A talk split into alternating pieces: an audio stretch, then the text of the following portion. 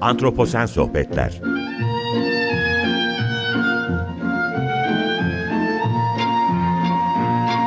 Hazırlayan ve sunan Utku Perktaş Merhaba, iyi akşamlar herkese. Bugün Antroposen Sohbetler'de konumuz dar koridor, devletler, toplumlar ve özgürlüğün geleceği. Çok kıymetli bir konuğum olacak. Dar koridor teorisini geliştiren aynı isimli kitabı James Robinson'la birlikte kaleme alan çok önemli bir ekonomist, akademisyen ve yazar Profesör Daron Acemoğlu ile beraber olacağım bugün. Kitap ilk olarak 2019 yılında İngilizce olarak yayınlandı ve Türkçe'ye de 2020 yılının başında Doğan Kitap etiketiyle kazandırıldı. Bugün ben de dar koridor teorisine kendi perspektifimden bir uyumlamaya çalıştım. Biyoçeşitlik kavramını e, dahil etmeye çalışacağım. Öncelikle özgürlük ve dar koridor gibi kavramları Daron Bey'e sorarak e, başlamak istiyorum ama öncelikle e, Daron Hoca'ya bir merhaba demek istiyorum. Hoş geldiniz hocam. Merhaba, nasılsınız? Çok teşekkürler hocam. E, davetimi kabul ettiğiniz yoğun programınız arasında bu söyleşiye vakit ayırdınız. E, eksik olmayın. Ben ne kadar teşekkür etsem azdır size. Siz nasılsınız? Ben iyiyim. Çok teşekkür ediyorum. Sizi gördüm daha iyi. Sağ olun. Ben de çok iyiyim. Ben de çok mutluyum bu programın bir parçası olabildiğim için. E, isterseniz hemen başlayalım. E, çünkü e, dediğiniz gibi e, biyo değişikliğine getirmek bunu aslında çok enteresan bir şey. Baştaki kavramları hızlıca geçelim isterseniz. Tamam hocam. Tabii ki. Tabii ki. Dar Koridor kitabının ortaya çıkmasının nedenlerinden bir tanesi evet.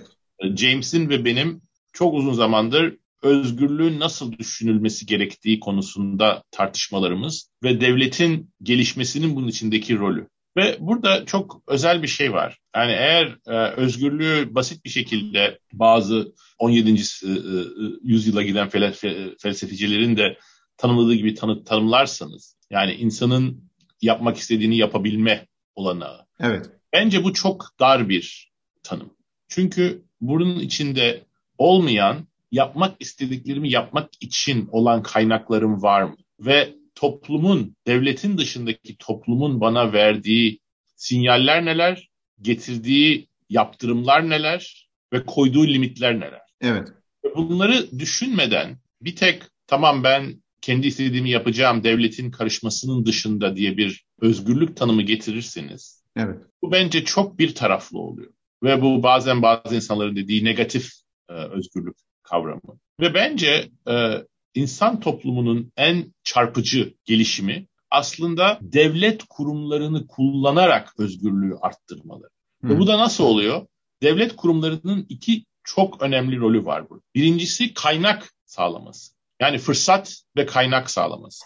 Fakirlik içinde olan bir insana eğer devlet kurumları olmadan bu fakirliğin içinden çıkması mümkün olmayan bir insana fırsatlar verip, kaynaklar verip, e, yollar verip, okullar verip, sağlık sistemi verip bunun aslında isteklerini doğru bir şekilde geliştirme olanaklarını vermesi özgürlüğün çok önemli bir parçası.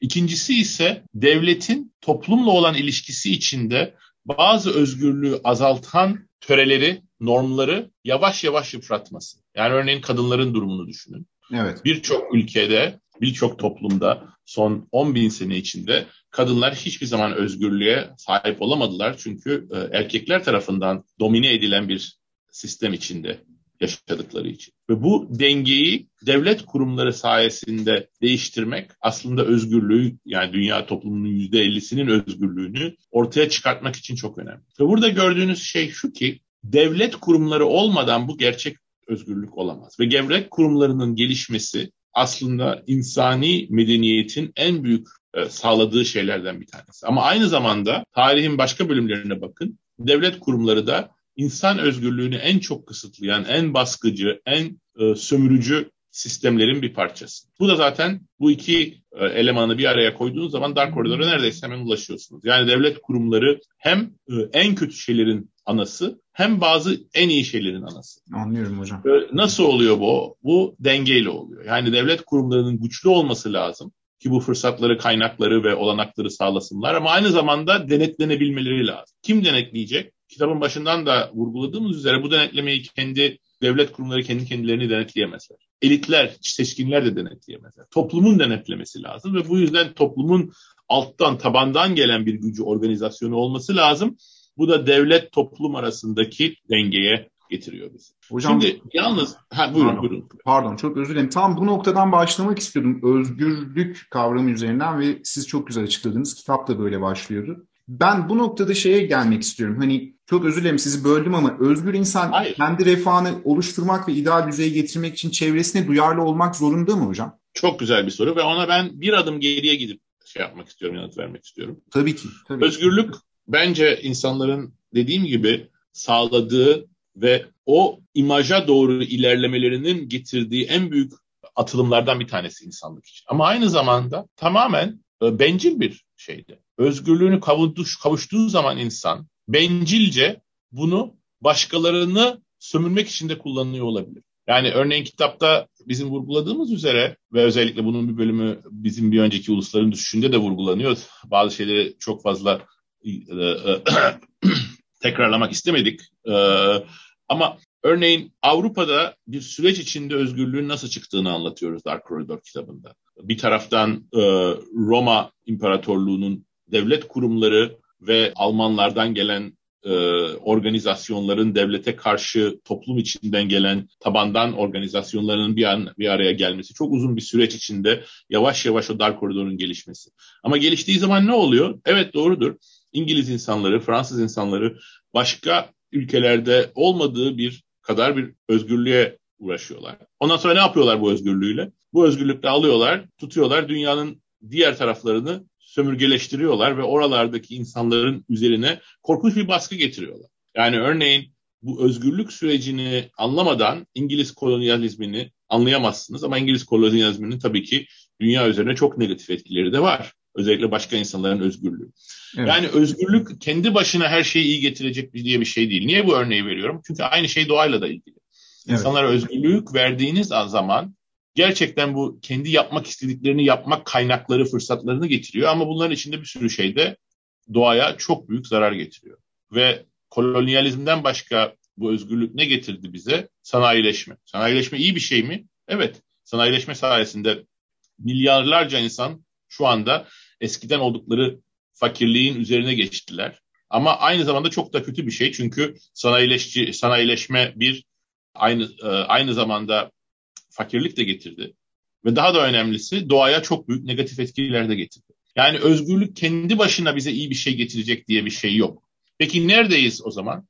Bunun yeni bir teoriye doğru bir adım olarak görmemiz lazım. Ve bu yeni teoriye adımda özgürlüğün nasıl ürettikten sonra yine devlet kurumları sayesinde ve insanların bir e, toplum olarak özgürlüğe organik bazı limitler getirmeleri lazım. Yani özgürlük devlet toplum dinamiğinden ortaya çıktı ve çok önemli bir şey. Ben bunu vurguluyorum ama bu da özgürlüğün tamamen hiçbir limit olmadan e, kullanılması anlamına gelmiyor.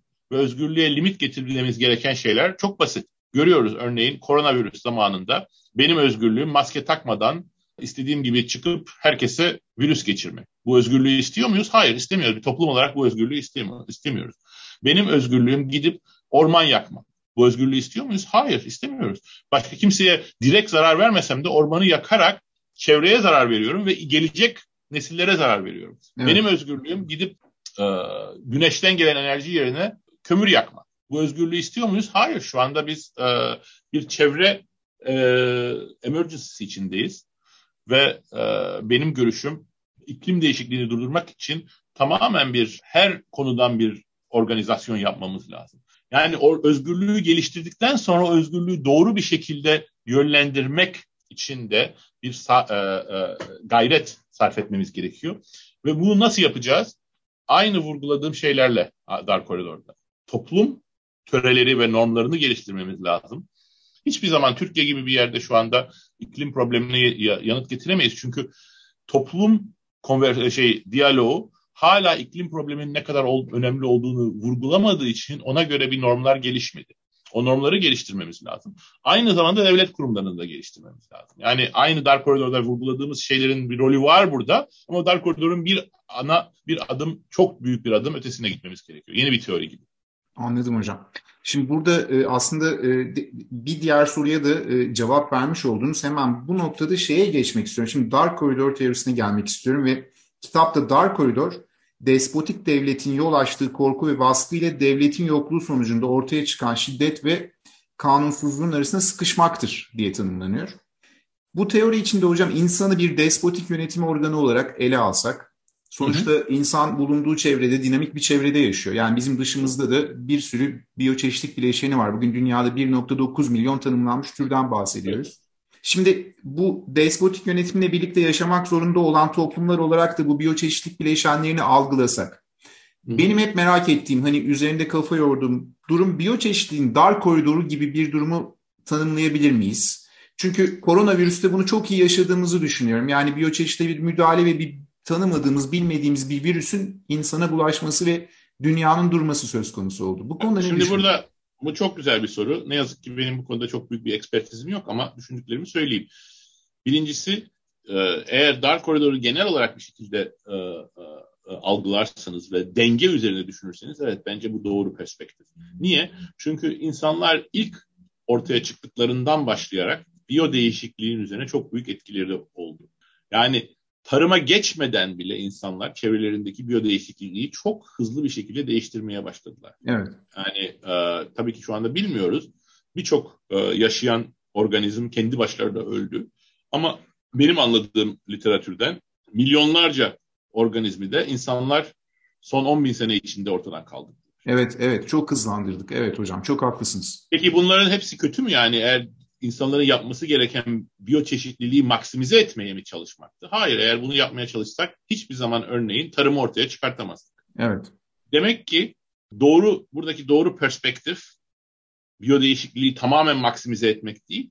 Ama aynı zamanda eğer biyodeğişikliği tamamen ortadan kaldırırsak da çevreyi mahvetmiş olacağız.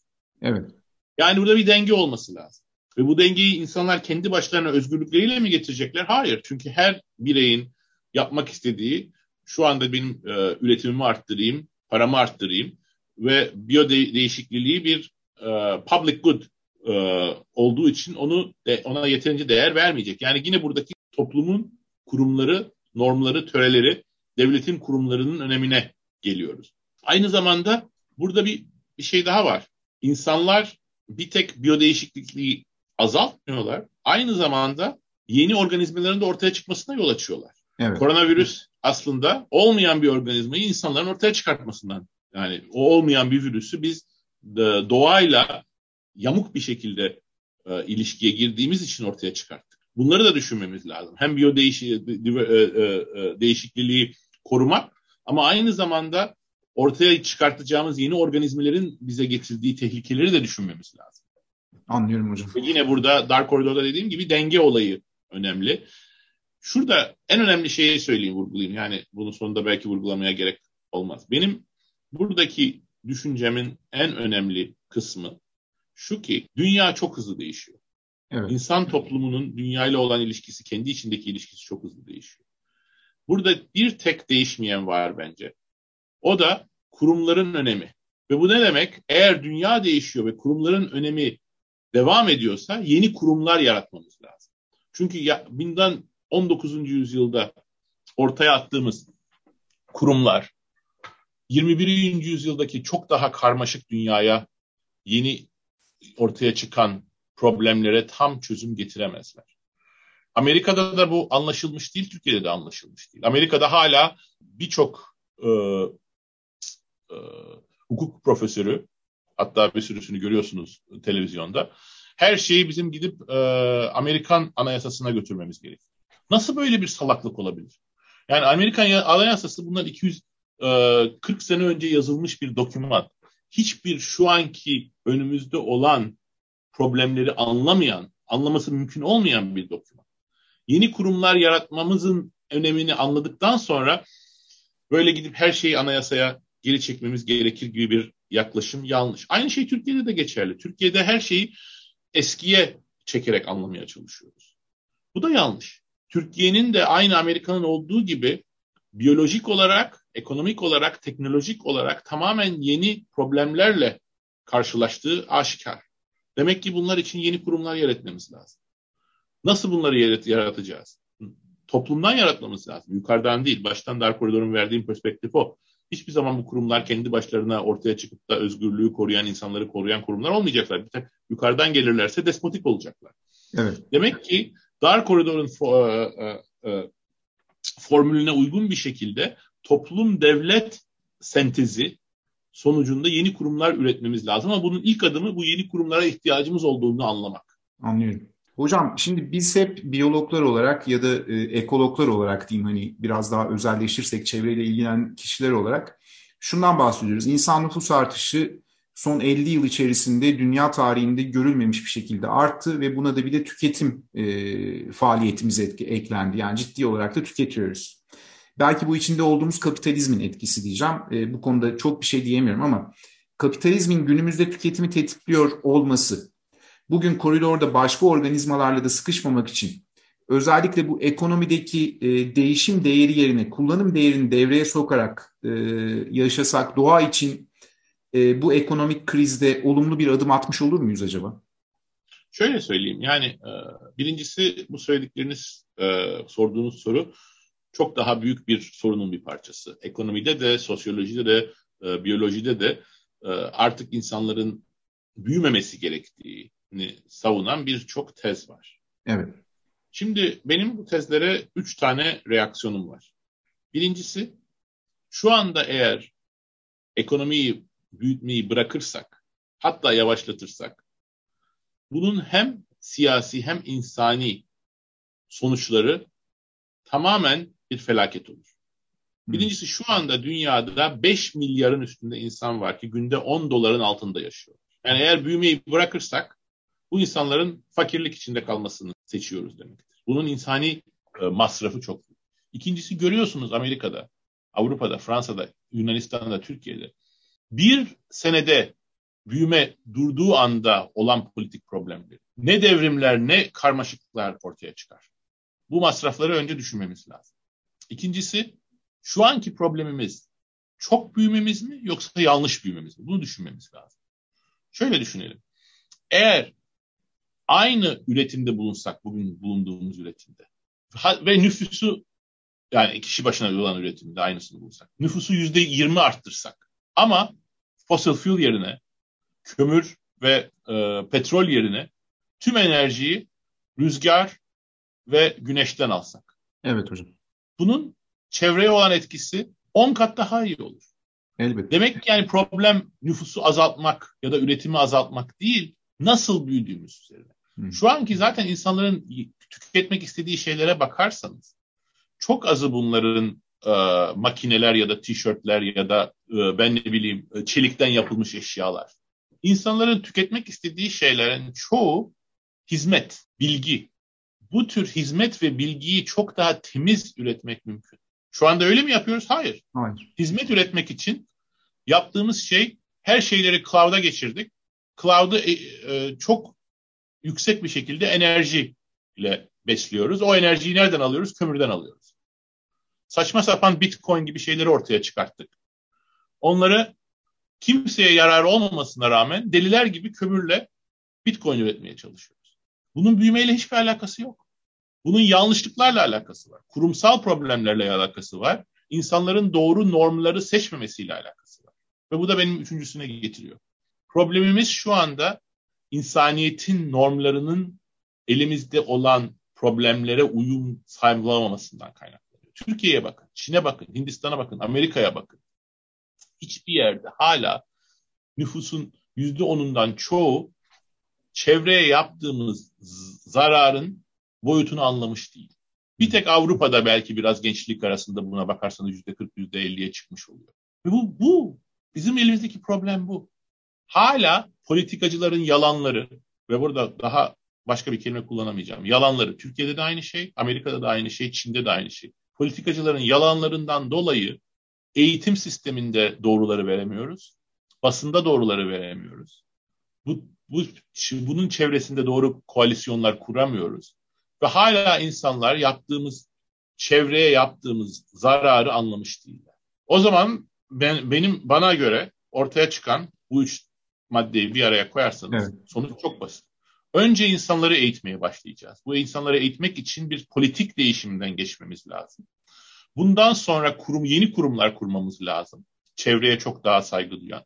Bunu yaptıktan sonra ekonominin daha temiz bir şekilde gelişmesi çok kolay. Şu anda bakarsanız örneğin güneşten ya da e, rüz, e, rüzgardan gelen enerji kömürden gelen enerjiden daha ucuz. Kullanmamamız tamamen bir seçim. Bu değişimi yapmak çok kolay eğer normları ve kurumları değiştirdikten sonra ve bunları bu değişimi yaptıktan sonra da ekonomik büyümenin daha adil bir şekilde devam etmesinde hiçbir problem görmüyorum. Çok teşekkürler hocam. Tercihlerimizi doğru belirlememiz gerekiyor anladığım kadarıyla benim. Hocam bir de kitabınızda e, Alice Harikalar Diyarı'ndan Lewis Carroll'dan bir alıntı var Kızıl Kraliçe. Bu bizim biyolojide de kullandığımız hipotezlerden bir tanesi ve ben e, çok heyecanlanmıştım okuduğumda. Kızıl Kraliçe e, hipotezine göre hani devlet güçlendikçe toplum da güçlenirse ilerleme söz konusu diyor kitapta. Şimdi peki hocam insan nüfus artışı ve tüketim biyoçeşitlik bileşenlerinin koridor içerisinde yer bulamayıp yaşam içinde insanın kendi geleceğini tehlikeye atmasına yol açar mı acaba? Bu Kızıl e, Kraliçe hipotezisinden. konuştuğumuz şeylerden tamamen evet. birazcık konuştuğumuz evet. şeylerle alakalı. Kızıl Kraliçe dinamiği içinde ya da dar koridorun içinde hiçbir şey otomatik olarak insanın çevreye saygı duymasını sağlamıyor. Evet. Onun için diyorum ki bir bir adım öteye gitmemiz lazım. Çevreye olan etkimizi çok daha iyi anlamamız lazım. İnsanların bunu içselleştirebilmeleri lazım. Ondan sonra bunun çevresinde normlar kurmaları lazım. Ve eğer bunları yapabilirsek umudum şu ki, emin değilim ama umudum şu ki Kızıl Kraliçe gibi bir dinamik ortaya çıkacak. Ve bu dinamik hem normların hem devlet kurumlarının bir şekilde çalışmasına belki yol açabilir. Avrupa'da biraz bunu görüyoruz. İsveç'e bakın. İsveç şu anda dünyada iklim değişiminden en az etkilenecek ülkelerinden bir tanesi. Bundan 10 ne kadar oluyor? 6-7 sene öncesinde 120 dolar bir ton karbona e, vergi getirdiler. Niye yaptı İsveç bunu? Kendi başına. Ve bunun için İsveç'in bunu kendi başına yaptığı zamanki etkisi çok yüksek. Çünkü bir tek kendi üretimini azaltmıyor, kendi tüketimini azaltmıyor. Aynı zamanda kendi endüstrisine çok negatif etkide bulunuyor. Çünkü e, şu anda hiç kimse e, İsveç'te çelik üretemez. Çünkü çelik üretimine e, bir tonuna 250 dolar daha fazla vergi vermen lazım. Gidip onu Çin'den alırsın ya da Hindistan'dan alırsın. Buna rağmen İsveç bunu yaptı. Niye? Çünkü İsveç'teki normlar ve kurumlar gerçekten çevreye olan etkinin ne kadar önemli olduğunu görmeye başlayıp buna adım atmanın insani bir ödev olduğunu anlamaya başladılar. Niye bu bir tek İsveç'te olsun? Niye Türkiye'de olmasın? Niye Hindistan'da olmasın? Ama otomatik olarak olmayacak. Elbet. Hocam şimdi bir diğer sorun benim aklıma takılan noktalardan bir tanesi bu kapitalizmle aynı yola çıkarak kapitalizmin paradigmaları bireyin ve toplumun özgürleşmesi üzerine diyebiliyorum ben. Fakat geçen zamanda görüldü ki bu özgürleşme sağlanamadı. Ve tüm canlı hayatı tehdit eder hale geldi. Ve özellikle de pandemi sürecinde gördük ki e, kapitalizm insanı da belli ölçüde köleleştirdi esasında. E, kapitalizm çıkış paradigmalarıyla çelişir hale geldiğini düşünüyor musunuz? E, sizce bundan bir çıkış var mı hocam? Şimdi benim çok uzun zamandır söylediğim bir şey var ve bu da aslında her şeyi bir araya getirmek için çok güzel son bir soru. Çok teşekkürler. Ben zaten bu kapitalizmin çok iyi bir kavram olduğunu düşünmüyorum. Niye? Çünkü kapitalizmi basitleştirerek anlattığınız zaman o kadar çok değişik şeyi bir araya getiriyor ve içinde çelişkileri çok hızlı bir şekilde birbirine karıştıran bir şey. Şimdi kapitalizmden bahseden herkes ne diyor? İngiltere'de başladı, e, işte e, kapitalin daha da önemlileşmesi. Evet gerçekten endüstriyel e, devrim İngiltere'de başladı. Ama özgürlük İngiltere'de mi başladı? Hayır, kesinlikle değil.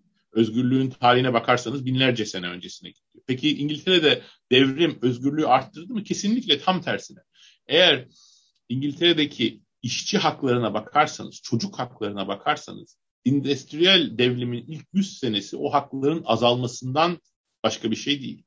İnsanlar e, evde olan köyde olan, kasabada olan özgürlüklerini bırakıp fabrikalarda çok daha hızlı bir disiplin altına giriyorlar. Çocuklar 5 yaşından başlayarak gidip e, kömür madenlerinde çalışmaya başlıyorlar.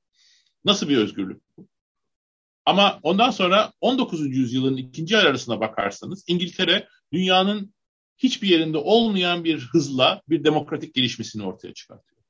Evet. Ve o zaman gerçekten insan haklarına çok daha fazla e, önem veren, insanları koruyan, şehirleri temizleştiren çocuklara hak veren, kadın haklarına ilk kez tanımaya başlayan, işçi sendika haklarını tanımaya başlayan bir sisteme geliyoruz.